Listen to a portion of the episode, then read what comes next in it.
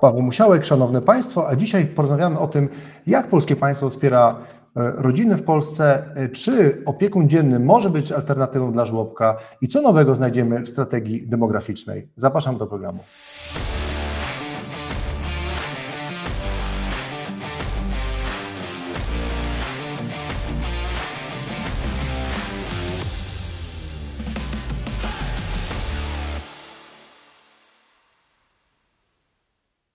A moim Państwa gościem jest Dorota Bojemska, przewodnicząca Rady Rodziny, czyli organu doradczego Ministerstwa Rodziny i Polityki Społecznej. I warto dodać, że też matka ośmiorga dzieci, co akurat w dyskusji na temat polityki rodzinnej myślę, że jest ciekawym doświadczeniem. Witam serdecznie.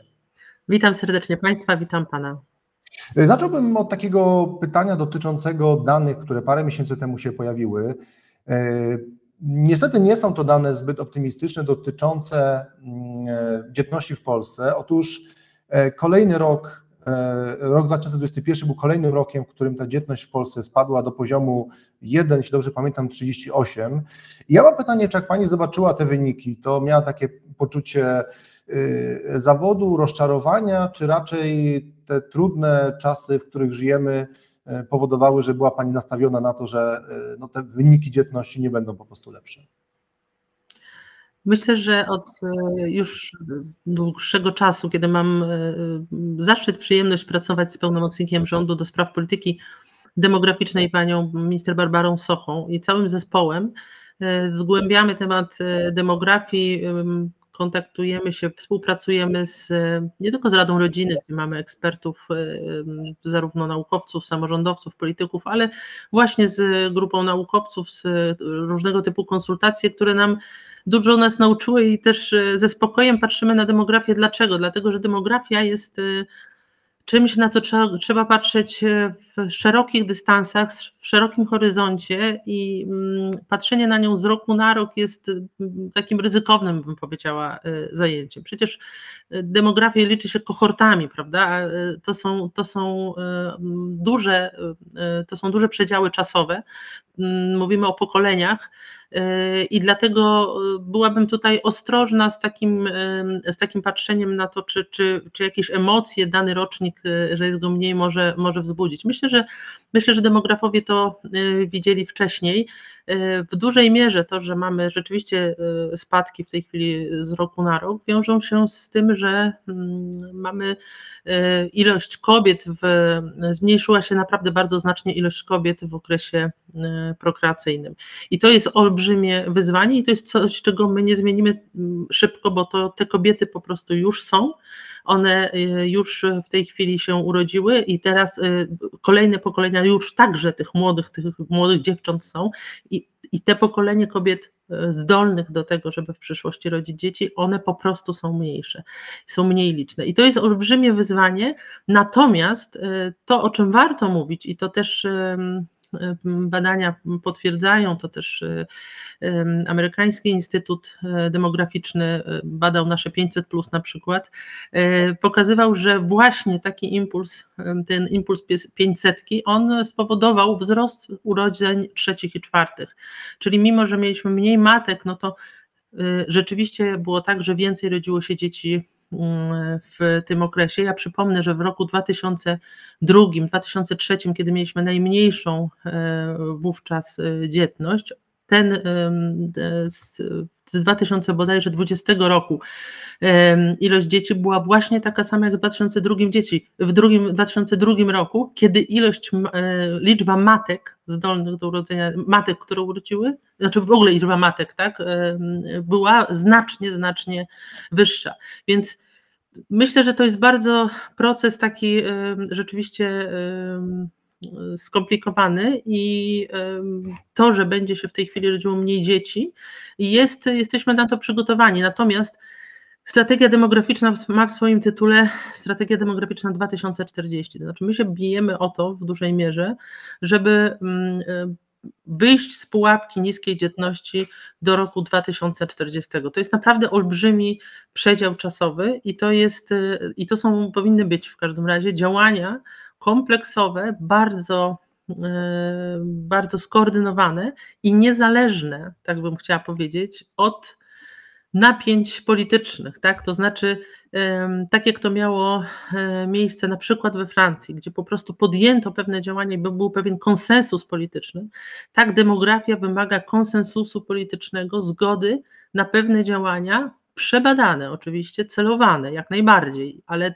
ta zgoda e, i to mm, i, i waga problemu i odnalezienie rzeczywistych przyczyn, rzeczywistych, nie e, ideologicznych, nie takich, które są jakąś powierzchowną wiedzą, ale przebadanie e, w kontekście Polski, także tej Polski regionalnej, bo to jest też bardzo ważne. My widzimy, co się dzieje, prawda? Widzimy, co się dzieje w regionach, widzimy, jaka jest depopulacja wsi, jaka jest depopulacja małych e, miejscowości.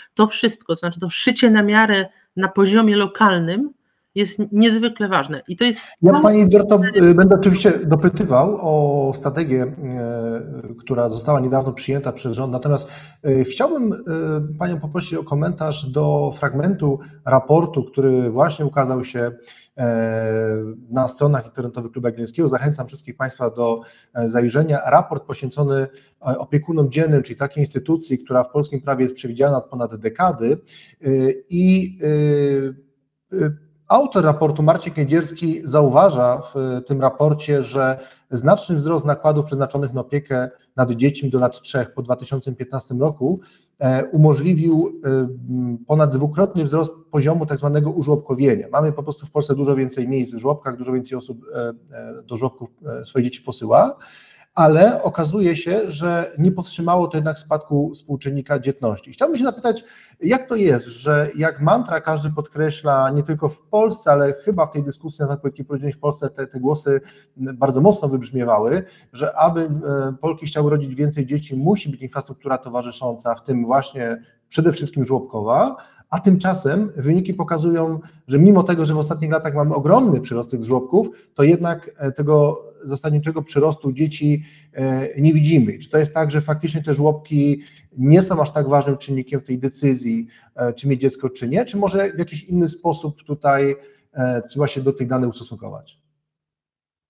To jest ciekawe pytanie. Rzeczywiście trwa olbrzymia dyskusja na ten temat wśród demografów naukowców, polityków, y, rzeczywiście jest to, jest to, jest to pytanie, które jest bardzo często stawiane i jest tak jak Pan mówi, y, szereg osób, ekspertów mówi wyraźnie o tym, że y, usługi opiekuńcze, właśnie związane z, ze żłobkami, z dostępem do żłobków, są bardzo istotnym elementem decyzji prokreacyjnych. Myślę, że jeżeli w ogóle mówimy o demografii, to musimy pamiętać, że tych czynników wpływających na decyzje prokreacyjne jest po prostu bardzo wiele. Żaden z nich nie stanowi lidera numer jeden. To jest kompleks, po prostu kompleks pewnych, pewnych możliwości, okoliczności, które temu sprzyjają. Prawda? I o tym wyraźnie mówi strategia demograficzna, ale wysuwa rzeczywiście opiekę do lat trzech jako poważny czynnik. Przy czym, gdy głęboko wejdzie się w badania, widać bardzo wyraźnie, że Polki w dużej mierze chcą być e, z dziećmi dość długo. To znaczy, e, jeżeli mówimy o jeżeli mówimy o danych Cebosu z 2017 roku, bo wówczas były robione badania dotyczące preferencji prokreacyjnych, ale również potem również związanych z tym, związanych z, z tym kwestii preferowanej opieki nad dzieckiem. I dane z CEBOS-u mówią wyraźnie, że po urodzeniu dziecka 45% matek preferuje opiekę nad dzieckiem osobistą przez co najmniej 3 lata, a 73% przez co najmniej 2 lata. I to jest coś, co dało nam mocno mm, y, do myślenia i y, spowodowało również te decyzje y, dotyczące wprowadzenia RKO, czyli rodzinnego kapitału opiekuńczego, narzędzia, które jest być może niewystarczające jeszcze, natomiast to jest pierwszy krok w, tej, mm, w tą stronę, e, żeby rzeczywiście dać rodzicom wybór co do formy opieki, to znaczy formy... Proszę się Pani Doroto, to żeby przypomniała Pani, co się kryje pod tym hasłem rodzinny kapitał opiekuńczy, ponieważ jest to dość świeża, świeże narzędzie i myślę, że nie każdy jeszcze z naszych widzów e, pewnie zapoznał się e, z tym, co się Rodzinny kapitał opiekuńczy, tak, rodzinny kapitał opiekuńczy to jest narzędzie, to jest transfer finansowy do rodziny od drugiego dziecka na drugie i kolejne dziecko. Jest to 500 zł na drugi rok życia dziecka i trzeci rok życia dziecka, wypłacany albo po, w ciągu dwóch lat, właśnie po 500 zł, albo w ciągu jednego roku po 1000 zł, 1000 zł wówczas, tak jak rodzice sobie tego życzą. My obserwujemy, że rzeczywiście rodzice e, zgłaszają się po, w znacznej mierze są to wypłaty po 1000 zł, czyli jednorazowe wypłaty w drugim e, roku życia dziecka najczęściej. I podkreślmy też, są pieniądze dodatkowe wobec programu 500+, nie jest to alternatywa. Tak, to są pieniądze dodatkowe, które, których celem jest wsparcie rodziców w tym newralgicznym właśnie okresie, kiedy dziecko ma kiedy, w okresie, kiedy dziecko ma, jest w drugim, trzecim roku życia dziecka, e, w drugim i trzecim roku, dlatego że w pierwszym mamy do czynienia z e, urlopem macierzyńskim płatnym, chociaż tu warto dodać, że zdajemy sobie sprawę i też to bardzo mocno widać w badaniach, że 25% kobiet nie, e, nie przysługuje im,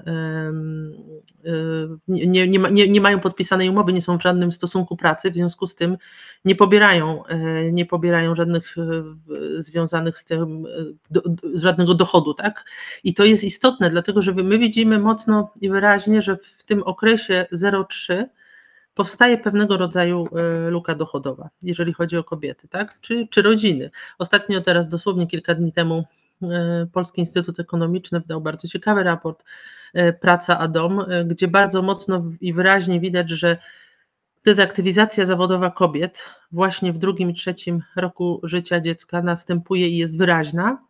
Natomiast, natomiast aktywizacja zawodowa mężczyzn w tych latach bardzo wyraźnie wzrasta. Czyli ta praca wówczas i dochód jest dla rodziny bardzo ważny. Tak, Pani Dorto, ja jeszcze o, aktywności zawodowej, e, o aktywność zawodową chciałem zapytać później. Też ten raport PIE mhm. czytałem i mam do tego raportu też e, pytanie, ale chciałbym, e, żebyśmy teraz chwilę porozmawiali o tej instytucji, którą zapowiedziałem, czyli mm, o opiekunach dziennych, ponieważ jest to instytucja, która została stworzona ponad dekadę temu. Ustawa z 2011 roku, jeśli dobrze pamiętam, opiece nad dziećmi do lat trzech, wskazuje, że poza żłobkiem, e, klubem dziecięcym właśnie jest coś takiego jak e, opiekun dzienny, czyli instytucja, która co do zasady była wzorowana na takim rozwiązaniu chyba francuskim, gdzie e, osoby wykwalifikowane mogły się opiekować maksymalnie jedna osoba piątką dzieci. To było coś pomiędzy powiedzmy nianiem a żłobkiem, czyli takie rozwiązanie, które miało przybliżać dzieci do tego środowiska domowego, no bo taki opiekun, który zajmował się taką małą garstką dzieci, mógł tą opiekę sprawować zarówno we własnym domu, jak i w domu któregoś z rodziców. Także ustawa przewiduje możliwość tego, aby e, ewentualnie rodzice dołączali się także jako wolontariusze do tej opieki. I e, w tym raporcie e, Marcin Kędzierski pokazuje, z czym je się to rozwiązanie. Ja jestem bardzo ciekawy tego, jak ministerstwo podchodzi do tego rozwiązania. Czy to jest tak, że ta nowa strategia demograficzna patrzy na, to, na tą instytucję z nadzieją, że to jest pewien e, kompromis, który może być taką ciekawą alternatywą e, e, dla żłobka i ciekawym rozwiązaniem dla rodziców, którzy nie chcą żłobka, ale też nie mogą sobie pozwolić na to, żeby być w domu, czy nie chcą. Pytanie, czy, czy to jest forma, którą, która się Pani podoba, czy jest forma, którą warto rozwijać, którą warto popularyzować? Oczywiście jest tak, jak Pan mówi, jest to wzorowane na rozwiązaniach francuskich. Mm, takie wizyty studyjne, które miały miejsce jeszcze przedakcesyjne, one na takich, na takich wizytach były też tutaj osoby z ministerstwa, e, obserwowały to, widziały jak to działa i rzeczywiście zostało to zaimplementowane i, i zapisane w ustawie. E, widzimy jednak, że to jest bardzo e, w niewielkim stopniu wykorzystywane w, w praktyce. E, opiekunów e, dziennych jest około 2,5 tysiąca, z tego co pamiętam. E, to jest bardzo mała liczba, to jest niewielki procent całej opieki dzieci do lat trzech. Taka formuła jest i ja tutaj mogę powiedzieć jedno. Opieka do lat trzech jest zadaniem własnym samorządów. I to jest jakby pierwsza zasadnicza, kluczowa sprawa. I teraz tak, ustawa, czy ministerstwo poprzez ustawę mm, proponuje formę opieki i proponuje te rozwiązania. Natomiast to, jak to działa w praktyce, w dużej mierze zależy od tego, od tego, jak do tego podchodzą samorządy. My widzimy wyraźnie, że samorządy mm, w pewien sposób, można powiedzieć, e, e, jest pewien lęk przed stycznością. I tu proszę zauważyć, że to jest może może to jest w ogóle związane z e, tym, że dzisiaj mamy te, te trendy, które mamy w ogóle społeczne, one, one nas kierują właśnie w takim kierunku elastyczności. Mówimy o elastycznej pracy, o pracy zdalnej, o pracy na część etatu. Czy pracodawcy są, ja wiem, że to nie jest temat, ale tutaj pokazuje pewną szerszą filozofię. Pracodawcy, czy są na to gotowi? Na razie ciągle nie. Ciągle mamy, jest to pewna zmiana kulturowa, która musi się, oczywiście rynkowa w dużej mierze tak, ale, ale kulturowa, która musi się być może dokonać również e, w głowach pracodawców, że te zasoby jakieś są, prawda, i że, że matki, które będą mogły na część etatu pracować, to jest, to jest jakiś zasób do wykorzystania. I tak samo jest w opiece e, tej nieinstytucjonalnej również, ale też e, tej opiece propozycji dziennego opiekuna, że jest to pewna forma, która co do która pozostawia bardzo taki, mm, jest bardzo elastyczna, jest opisana naprawdę w sposób bardzo zdawkowy w, mm, w ustawie, ale ona nakłada tak naprawdę na wójta decyzję, czy w danym miejscu może być prowadzona opieka, co, co być może jest jakąś barierą dla samorządowców, przed podejmowaniem takich decyzji. Trudno powiedzieć. Myślę, że nie tylko to, to o czym Pan mówił, czyli kwestia w ogóle takiej informacji prawda, powszechnej, że, że taka forma jest możliwa, to też jest oczywiście bardzo istotne. Ale myślę, że gdyby samorządy były zainteresowane bardziej rozpo, rozpropagowaniem takiej formy, to one by to robiły. Natomiast, natomiast to jest pewna zgoda na, na to, że takie miejsce nie ma takie miejsce nie jest sprawdzane przez Sanepid, takie miejsce nie jest sprawdzane przez Straż Pożarną, czyli można powiedzieć, większa e, odpowiedzialność jest po stronie, mm, po stronie władz. tak, żeby te miejsca rzeczywiście... żeby, żeby wejdę w słowo, natomiast mogłoby się wydawać, że ta większa elastyczność może działać na rzecz tego rozwiązania, bo przecież kiedy jakiś samorząd tworzy żłobek, to ma znacznie e, dużo więcej biurokracji, znacznie jest to cięższe rozwiązanie, a tutaj mamy rozwiązanie, które jeśli chodzi o ustawę definiuje tylko pewne ramy brzegowe, można te ramy wypełniać e, na własną modłę i okazuje się, że samorządy wtedy, kiedy mają taką możliwość, e, to z tego rozwiązania nie chcą korzystać. Jeszcze ja bym, żebyśmy dla jasności odpowiedzieli na pytanie, czy państwo finansuje taki, e, takiego opiekuna, bo to, że jest takie rozwiązanie, to jest, e, to jest jedna rzecz, natomiast jeżeli są tutaj słuchacze, którzy są zainteresowani posłaniem dziecka do takiego punktu opieki dziennej, czy mogę, mogę Pani pokazać, jak wyglądają warunki współpracy finansowej? Czy to jest tak, że rodzice pokrywają całość tego typu kosztów, które de facto się nie różnią od takiego finansowania prywatnej Jani, czy może państwo jakoś partycypuje w tych kosztach, jeśli tak, to w jakiej, w jakiej skali? Jeżeli chodzi o finansowanie, ostatnio e, był ogłaszany nowy Maluch e, Plus, prawda, który jest na lata 2022-2029 i część z tych środków również obejmuje możliwość finansowania e, opiekuna dziennego. Mm, część ze, ze środków przeznaczonych z właśnie na malucha jest jak najbardziej możliwa do wykorzystania, jeżeli chodzi o punkty opieki dziennej.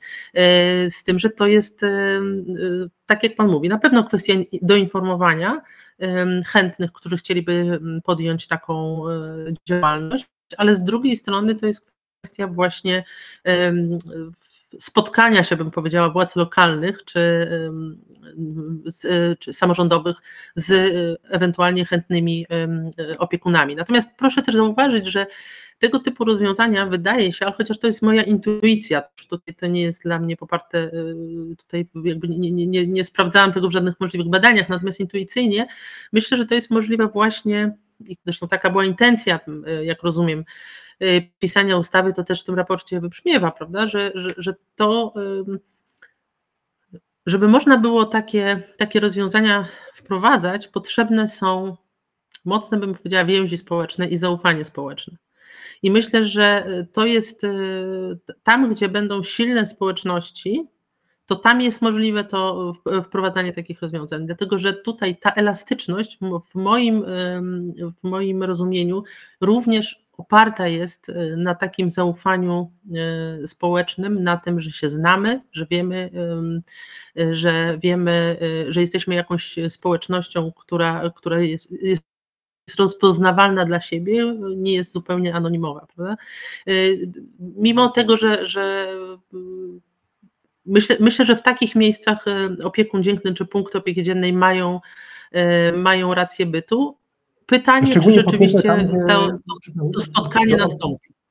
Dodam tylko, że szczególnie to zaufanie jest potrzebne w takim modelu, w którym my chcemy powiększyć tą grupę y, maksymalnie pięcioosobową do ośmioosobowej. Ustawa przewiduje takie rozwiązania, ale pod warunkiem, że jeden z rodziców partycypuje w wychowaniu. Ja też znam przykłady takich rodziców, którzy y, w takim y, rozwiązaniu takie, na takie rozwiązania się zdecydowali. No i faktycznie może się wydawać, że jeżeli rodzic opiekuje się nie tylko swoim dzieckiem, ale też innymi dziećmi, no to, to zaufanie do takiego rozwiązania musi być faktycznie bardzo duże. Tak, tak, dlatego mówię, że to, to jest jakby tu nie, tu nie ma e, miejsca na anonimowość. Dlatego e, od początku była rzeczywiście, myślę, intencją tej ustawy, żeby ona była w, w takich społecznościach, które się znają, no, czy, moglibyśmy powiedzieć w mniejszych społecznościach albo w mniejszych ośrodkach po prostu. Natomiast widzimy, że ci opiekunowie dzienni to, to jednak są skupiska e, przy dużych miastach, więc nie spełniło to pewnie tych oczekiwań, które miało spełnić. Być może lepsza informacja i tutaj e, podziękowania dla Klubu Jagiellońskiego na tym tematem, to, że NGO mogą również mm, e, brać udział w takiej dyskusji i, e, i propagować tego typu rozwiązania, to jest oczywiście bardzo, bardzo sygnał. Dziękujemy za, za ciepłe słowo. W tym raporcie Marcin Kędzierski zwraca uwagę, że faktycznie sposób realizacji tej instytucji opiekuna dziennego jest inny niż zamysł ustawodawcy i faktycznie e, to powstało w dużych miastach. Bardzo często te punkty opieki funkcjonują jako quasi żłobki i też stawia takie pytanie, czy w związku z tym e, powinniśmy tolerować taką sytuację, w której to trochę ewoluowało w inną stronę niż, e, niż e, chcieli ci, którzy to wprowadzali do porządku dziennego.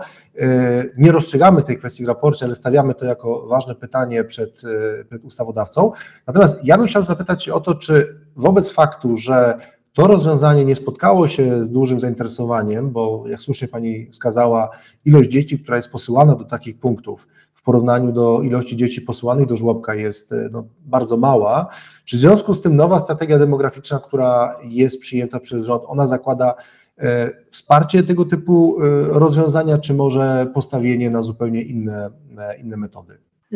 Wsparcie rozwiązania, e, w ogóle rozwiązań instytucjonalnych, ono jest i ono będzie, bo to co do tego nie ma wątpliwości, że tak, e, że to, to będziemy rozwijać i zresztą wspomniany już program na 2022-2029 właśnie temu służy. Jest tam również miejsce na dofinansowanie punktów opieki dziennej, także żłobków, klubów dziecięcych, czy wszystkich tych form, które ujmuje ustawa. Natomiast y, i, i co do tego nie ma, nie ma wątpliwości, w tą stronę na pewno będziemy iść. Na pewno jest też tak, że chcielibyśmy, żeby ta opieka y, do lat trzech y, mogła oprzeć się mocno na dwóch nogach, to znaczy tej nodze instytucjonalnej, która jest naprawdę już na, rozwija się, tak, i widocznie się rozwija, ilość miejsc w żłobkach jest także zwiększona, no ale z drugiej strony także na tej opiece nieinstytucjonalnej i tu wspomniany program e, RKO e, taką, e, wnosił sobie taką intencję. Natomiast ja myślę, że nam jest w ogóle potrzebna jeszcze debata publiczna na temat opieki, także zwiększenia jeszcze mocniej tej opieki nieinstytucjonalnej i wyjścia naprzeciw właśnie matkom, które mamom czy rodzicom, którzy mają małe dzieci. Myślę, że to jest temat ciągle bardzo ciekawy i ciągle otwarty. I to pokazał nam też raport czeski, który został zaprezentowany przez Instytut Pokolenia, Tutaj mogę się pochwalić, że Instytut Pokolenia był jedną z pierwszych, z pierwszych postulatów Rady Rodziny, ale też pierwszych rzeczywiście udanych postulatów, które wniosła ze sobą strategia demograficzna. Ale Instytut rzeczywiście ja pokazał... Doktor, przypomnę, że rozmowa z Michałem Kotem, dyrektorem Instytutu Pokolenia, również e, w ramach programu Szanownego Państwo się, się odbyła, bardzo ciekawa, e, to była rozmowa sprzed paru tygodni, dlatego ci z Państwa, którzy nas e, słuchają i chcielibyście coś więcej się dowiedzieć o polityce prorodzinnej, to bardzo serdecznie polecam tą rozmowę, bo tam rozmawialiśmy właśnie o tym raporcie czeskim i, i takim głównym zaskoczeniem tego raportu dla mnie było to, że faktycznie Czechom udało się zwiększyć tą dzietność, pomimo tego, że tu poziom, ten poziom użłobkowienia w Czechach jest bardzo niski. To było na pewno coś, tak, jest, coś świeżego, ja do tego zmierzam, żeby... do tego, co się mówi powszechnie. Ja do tego zmierzam. Myślę, że jeden do jednego nie możemy absolutnie porównywać sytuacji w Czechach i w Polsce. Natomiast tam rzeczywiście bardzo mocno wzmocniono, wzmocniono e, e, rodziców dzieci do lat trzech i dano takie narzędzia i takie, takie, taką pomoc, że e, jest możliwa ta, e, jest możliwe przeniesienie aktywności kobiety e, na okres bycia w domu w momencie, kiedy te dzieci są rzeczywiście bardzo małe. I to jest coś, co myślę, że w jakiejś mierze jest warte dyskusji. Tak? My mamy oczywiście kulturowo, jesteśmy trochę w inną stronę, jesteśmy bardziej skoncentrowani na pracy i to też e, e, właśnie w raporcie czeskim można przeczytać, że w, że w Polsce takim obowiązkiem wobec państwa jest praca, natomiast tam w większym stopniu, bo to mówimy procentowo, tym obowiązkiem jest właśnie wychowanie dzieci, więc ten krótki okres, w którym kobieta jest z dzieckiem e, w okresie 0,3 jest, nie jest, nie jest można powiedzieć złym doświadczeniem nie jest traktowany jako, jako czas zbędny, czas, y, y, jakieś zatrzymanie się i, i, i jakaś kotwica życia, tak powiem, życiowa, kolokwialnie, tylko jako coś naturalnego.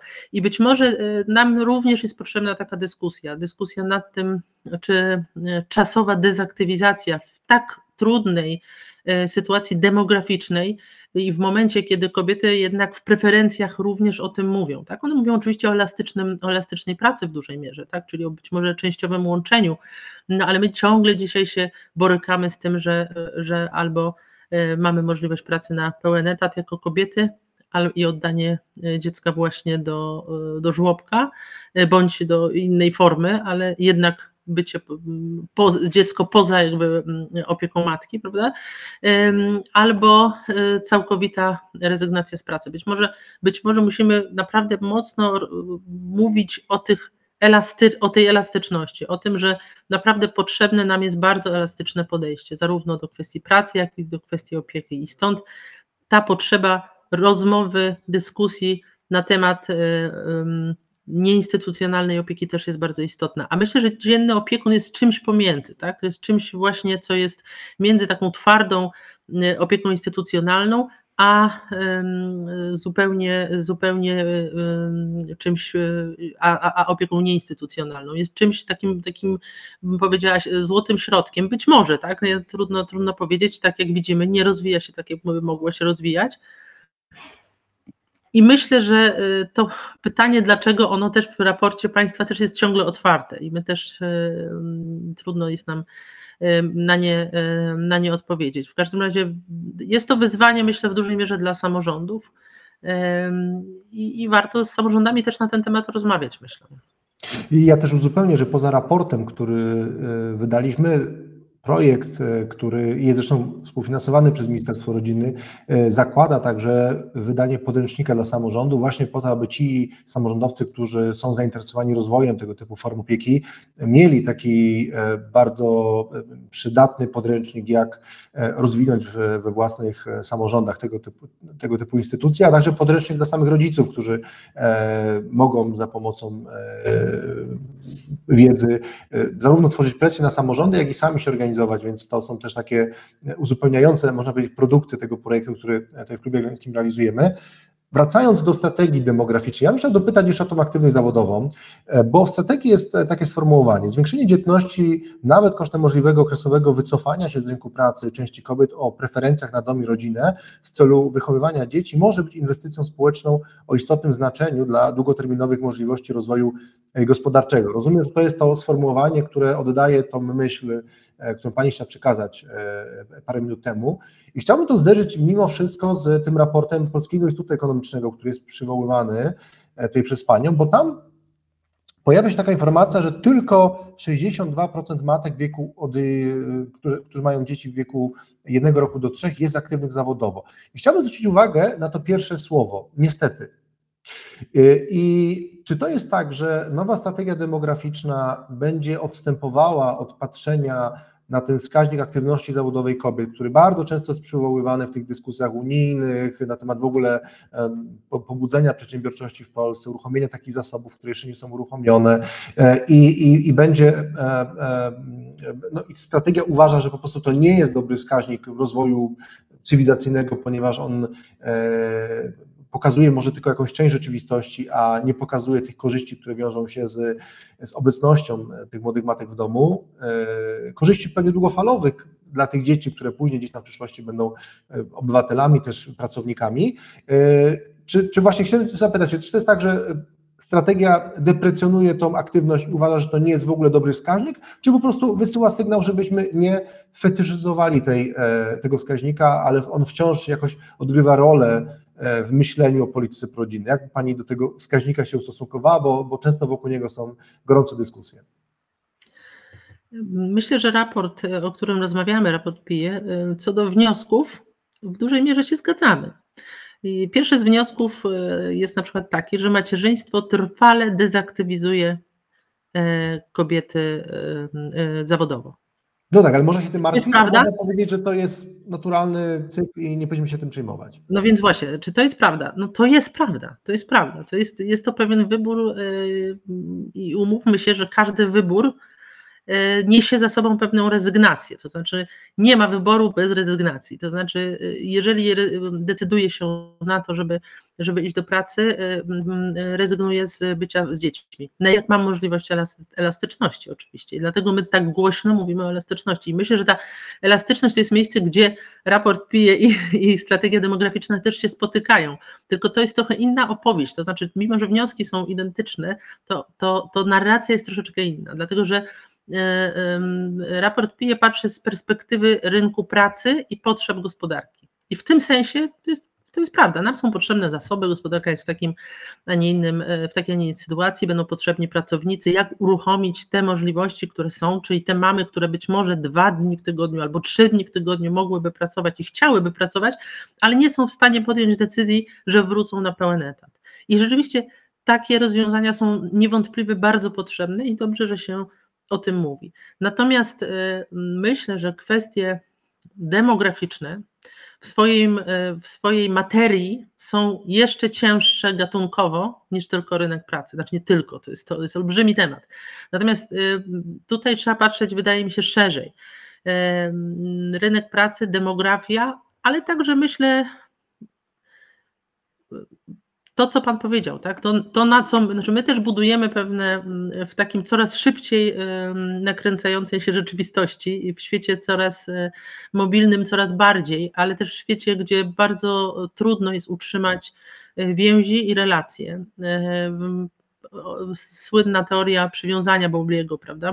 Mówi, o tym, jak ważny jest ten okres, kiedy kiedy dziecko jest w pierwszych latach życia i wtedy tak naprawdę bardzo dużo, jeżeli chodzi o o, przywiązanie, o więzi, to, to, są, to są kluczowe, kluczowe lata, jeżeli chodzi o budowanie mm, e, właśnie relacji.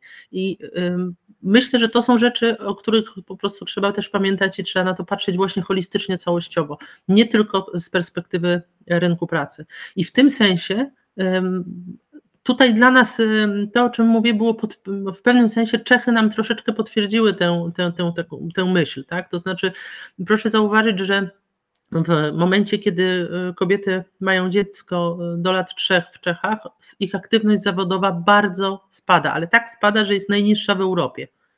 I w momencie, kiedy wychodzą z tego okresu, ich y, aktywność zawodowa jest najwyższa w Europie.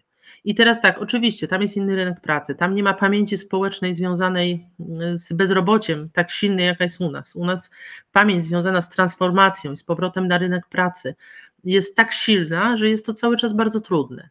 Mimo, że tego bezrobocia nie ma, ale pamięć o tym jest bardzo, e, bardzo silna. I myślę, że mm, e, i myślę, że w tym kontekście rozmowa o czy pokazanie, czy wyjście naprzeciw też tym preferencjom, o których mówiłam, e, o badaniach, które mówią o tym, że bardzo wiele kobiet, duży procent kobiet, i tak jak mówiłam, do, w drugim roku życia dziecka chciałoby zostać 45, że on zostaje, e, około 40%, to raport PIE potwierdza, powyżej 40% kobiet e, wówczas nie jest aktywnych zawodowo.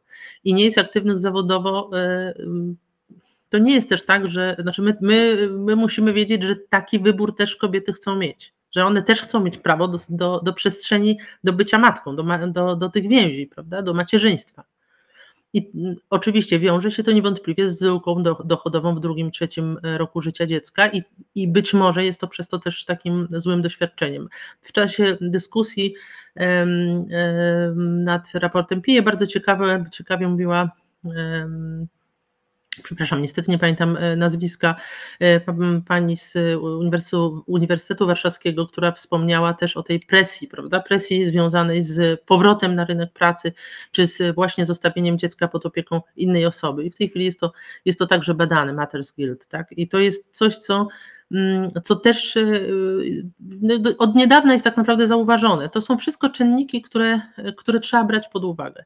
Dlatego ja myślę, że taka debata jest potrzebna, ale właśnie także z tą narracją, że nie tylko kobiety są potrzebne e, na rynku pracy, ale są też potrzebne w tym krótkim okresie w domu, ale nawet nie to, że są potrzebne, one też pragną być w domu i przeżyć swoje macierzyństwo. I pogodzenie tego, no, to jest napięcie, które jest i które, które pewnie będzie nam towarzyszyć zawsze, mm, jak długo będziemy matkami, jak długo będziemy miały dzieci. Natomiast nawet jak te dzieci będą starsze. Natomiast, y, natomiast y, badanie tego, wychodzenie naprzeciw tym preferencjom i tym potrzebom, o których mówią kobiety, więc także tej elastyczności jest niezwykle ważne. Ja Pani Dorto zapytał jeszcze o te kobiety, które deklarują, że chciałyby łączyć y, pracę i dom, ale łączyć w zupełnie innym charakterze niż to ma miejsce dzisiaj w takiej najbardziej popularnej formie, czyli jednak powrotu na cały etat. Dużo kobiet, zresztą to też strategia podkreśla, chciałoby takiego miękkiego powrotu, czyli jednak e, w jakimś niepełnym wymiarze czasu, e, aby po prostu ta praca była dużo łatwiejsza do pogodzenia z obowiązkami domowymi. I pytanie jest e, w takim razie, jak Pani mogła powiedzieć, co takiego nowa strategia demograficzna proponuje tym młodym matkom, E, czy już wkrótce młodym matkom e, w zakresie właśnie łączenia tej e, pracy i domu. Co takiego, jakich rozwiązań powinniśmy się w najbliższych latach spodziewać, które by to połączenie tutaj ułatwiało? Strategia mówi tutaj przede wszystkim o um, stabilnej pracy, czyli mówi o pewności zatrudnienia i um, mówi o tym, żeby jednak um, zmniejszyć ilość umów na czas na czas określony na rzecz szybkiej umowy na czas nieokreślony, bo widzimy bardzo wyraźnie, że ta stabilność zatrudnienia jest bardzo ważna. Jest propozycja, żeby mm, były możliwe, mm, żeby były tylko y, dwie y, umowy na czas, na czas określony, a następna już umowa na czas nieokreślony. I to jest jedno z takich, z takich większych zmian. Druga to kwestia właśnie elastyczności pracy, czyli takich możliwości, to, to jest w dużej mierze niestety, znaczy nie niestety, ale to jest w dużej mierze kwestia kulturowa i kwestia, w którą należy z, zaangażować pracodawców. I w związku z tym pani minister Barbara Socha od jakiegoś czasu już rzeczywiście e, rozmawia z pracodawcami, odwiedza firmy, e, rozmawia z nimi, też obserwuje bardzo ciekawe rozwiązania. Firmy na przykład, są firmy, które dają kobietom powracającym do pracy tak zwaną kolokwialnie mówiąc, rozbiegówkę, to znaczy taki moment, w którym one mogą przychodzić do pracy na początku w bardzo małym, w bardzo małym przedziale czasowym, potem coraz większym, coraz większym, aż dochodzą do tego przedziału, który ich interesuje, prawda? Czy to jest pół etatu, czy to jest trzy czwarte etatu, czy to jest w końcu cały etat, ale taki czas na, na powrót, na odpowiednie szkolenia, wszyscy mówią o tym, że dzisiaj rok bez rok poza firmą to bardzo często już jest inna firma i inny powrót zupełnie. W związku z tym, e, w związku z tym wszystkie takie ułatwienia i takie e, wyjście naprzeciw e, pracownicy, która wraca po okresie nieobecności, czy rocznym, czy dłuższym, są jak najbardziej są jak najbardziej potrzebne i o tym strategia mówi, ale tu w dużej mierze jest to właśnie po stronie pracodawców. Ale dwa kierunki: stabilność zatrudnienia i elastyczność zatrudnienia. To w takim razie już e, na koniec chciałbym zapytać o to, o co zawsze pytam moich gości, czyli o najbardziej udaną reformę, albo może nie koniecznie najbardziej udaną, ale reformę, którą warto jakoś naświetlić, e, podkreślić, zaakcentować, ponieważ jest niedoceniona. Może dotyczyć ta reforma, ta decyzja polityczna obszaru, e, w którym rozmawiamy. Akurat w tym obszarze się w ostatnich latach wiele działo, więc w pewnym sensie ma Pani ułatwione zadanie ale zasada jest taka, żeby utrudnić trochę odpowiedź, to nie może być to program 500, e, ponieważ jest to zawsze taka dyżurna odpowiedź, e, nawet e, osób niesympatyzujących z rządem, co się w Polsce udało, więc tego, tej opcji nie ma. Proszę dwie minuty takiego optymizmu na koniec. Co takiego w Polsce się zadziało ciekawego, czym, z czego powinniśmy być dumni po prostu? Nie, pewnie nie będę oryginalna, ale ja uważam, że wiele takich rzeczy się zadziało i jest taki namysł nad tym. Akurat polityka prorodzinna jest takim, jest takim e, niewątpliwie, e, patrz, jak, jak patrzymy na nią całościowo, jest takim miejscem, gdzie tych sukcesów jest sporo, bo i program Maluch Plus, nie, nie, nie dam się tutaj, myślę, że 500 Plus miało olbrzymie znaczenie, ale to olbrzymie znaczenie, ja po prostu sama mam rodzinę wielodzietną i wiem, E, wysoko wielodzietną. I wiem, jestem też w środowisku rodzin e, wielodzietnych, także tych wysoko wielodzietnych. I wiem, że dla tych rodzin to była niesamowita, to było niesamowite wsparcie. Dlatego nie, nie mogę nie powiedzieć tutaj o 500.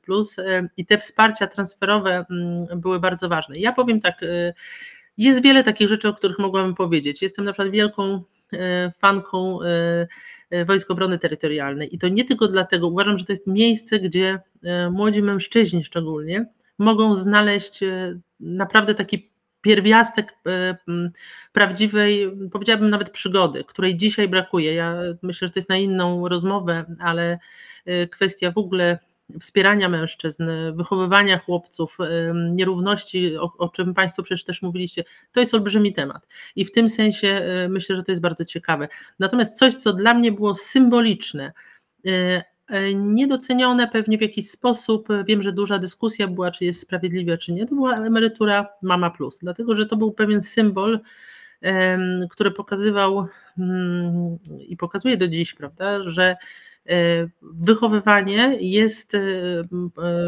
większej ilości dzieci, jest pewnym trudem i pewnym trudem, nie chcę tego opisywać, jest pewnym wyborem, który też wymaga konkretnego czasu, konkretnego czasu, konkretnych sił, konkretnego, jest to konkretny wybór, za którym, za którym idą właśnie te inne rezygnacje. Jeżeli państwo mm, tego nie widzi, to jest to pewna niesprawiedliwość społeczna. Więc dla mnie zauważenie tego e, i, i to działanie być może symboliczne, ale, ale jednak w pełni pokazujące wagę problemu, uważam, że, było, że, to, jest, że, to był, e, że to była bardzo duża sprawa. Zresztą proszę zauważyć, że w tej chwili Czechy i Słowacja wprowadzają emerytury alimentacyjne i coś na kształt 500 plus emerytalnego E, właśnie w Czechach, a emerytury alimentacyjne na Słowacji, co jest bardzo, e, co pokazuje, że, że rzeczywiście łączenie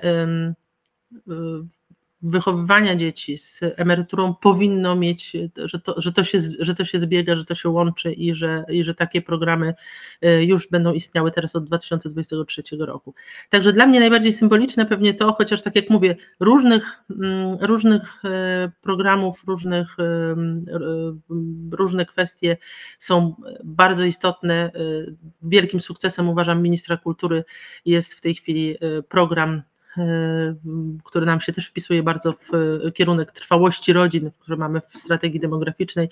Program poradniczy, NIF taki program właśnie e, utworzył. Myślę, że to jest też bardzo ważne, dlatego że musimy pamiętać o więziach, relacjach, bez tego nie będzie zdrowego społeczeństwa i to jest dla nas wielką troską, to wybrzmiewa w strategii demograficznej i wszystkie programy z tym związane mm, wydają nam się bardzo istotne.